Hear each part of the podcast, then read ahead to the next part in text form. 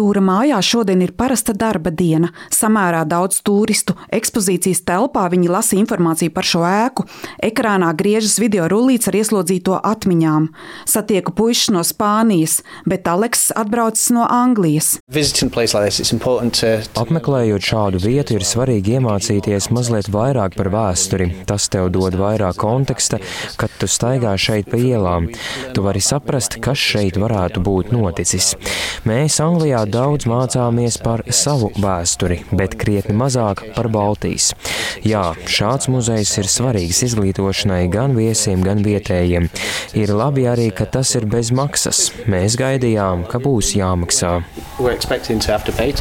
Uzzinājis, ka esmu ieradusies stūra mājā, jo šodien kultūras ministrijā notiek kārtēja apspriede, vai tai būt arī pēc 7. maija, kas izziņots kā iespējama okupācijas muzeja pāraudzītās ekspozīcijas slēgšana, turists brīnās, tiešām tas taču ir tik nozīmīgs objekts.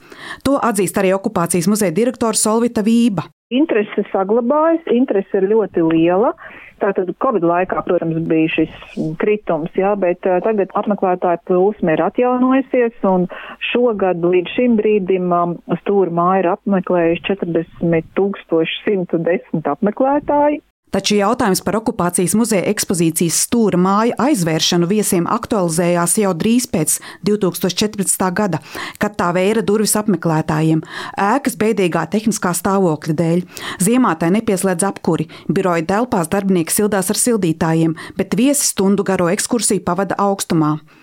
Šo pēcpusdienu kultūras ministre Agnese Logina no progresīvajiem tikās ar Solvitu Vību, lai pārunātu sasāpējušo jautājumu par finansējumu. Neatliekamo darbu veikšanai stūra mājā šobrīd nepieciešami 847 tūkstoši eiro. Pagraba pārseguma remontam un valsts ugunsdzēsības un glābšanas dienesta konstatētās bīstamības novēršanai, kas saistīta ar automātisko ugunsgrēka atklāšanas un trauksmes signalizācijas sistēmu. Vība jau iepriekš norādījusi, ka ministru kabinetā ir iesniegts kultūras ministrijas sagatavots sagatavotais informatīvais ziņojums par nama tehnisko stāvokli un neatliekam veicamajiem darbiem. Tāpat ir sagatavots ministru kabineta rīkojuma projekts par šīs summas piešķiršanu no valsts budžeta programmas līdzekļu neparedzētiem gadījumiem.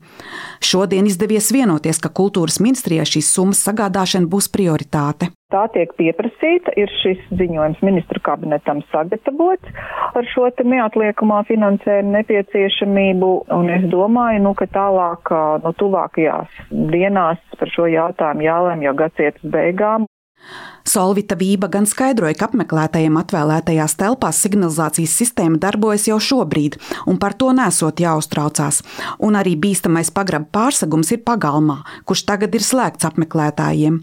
Tomēr valsts nekustamajiem īpašumiem, no kuriem okupācijas muzeja biedrība īrē telpas, šīs lietas ir jārisina, un tie varēs sākt darbus, kad vajadzīgā nauda būs pieejama bet okupācijas muzejam kultūras ministrijas apsolījums ļaušot sākt darbu pie jaunās ekspozīcijas.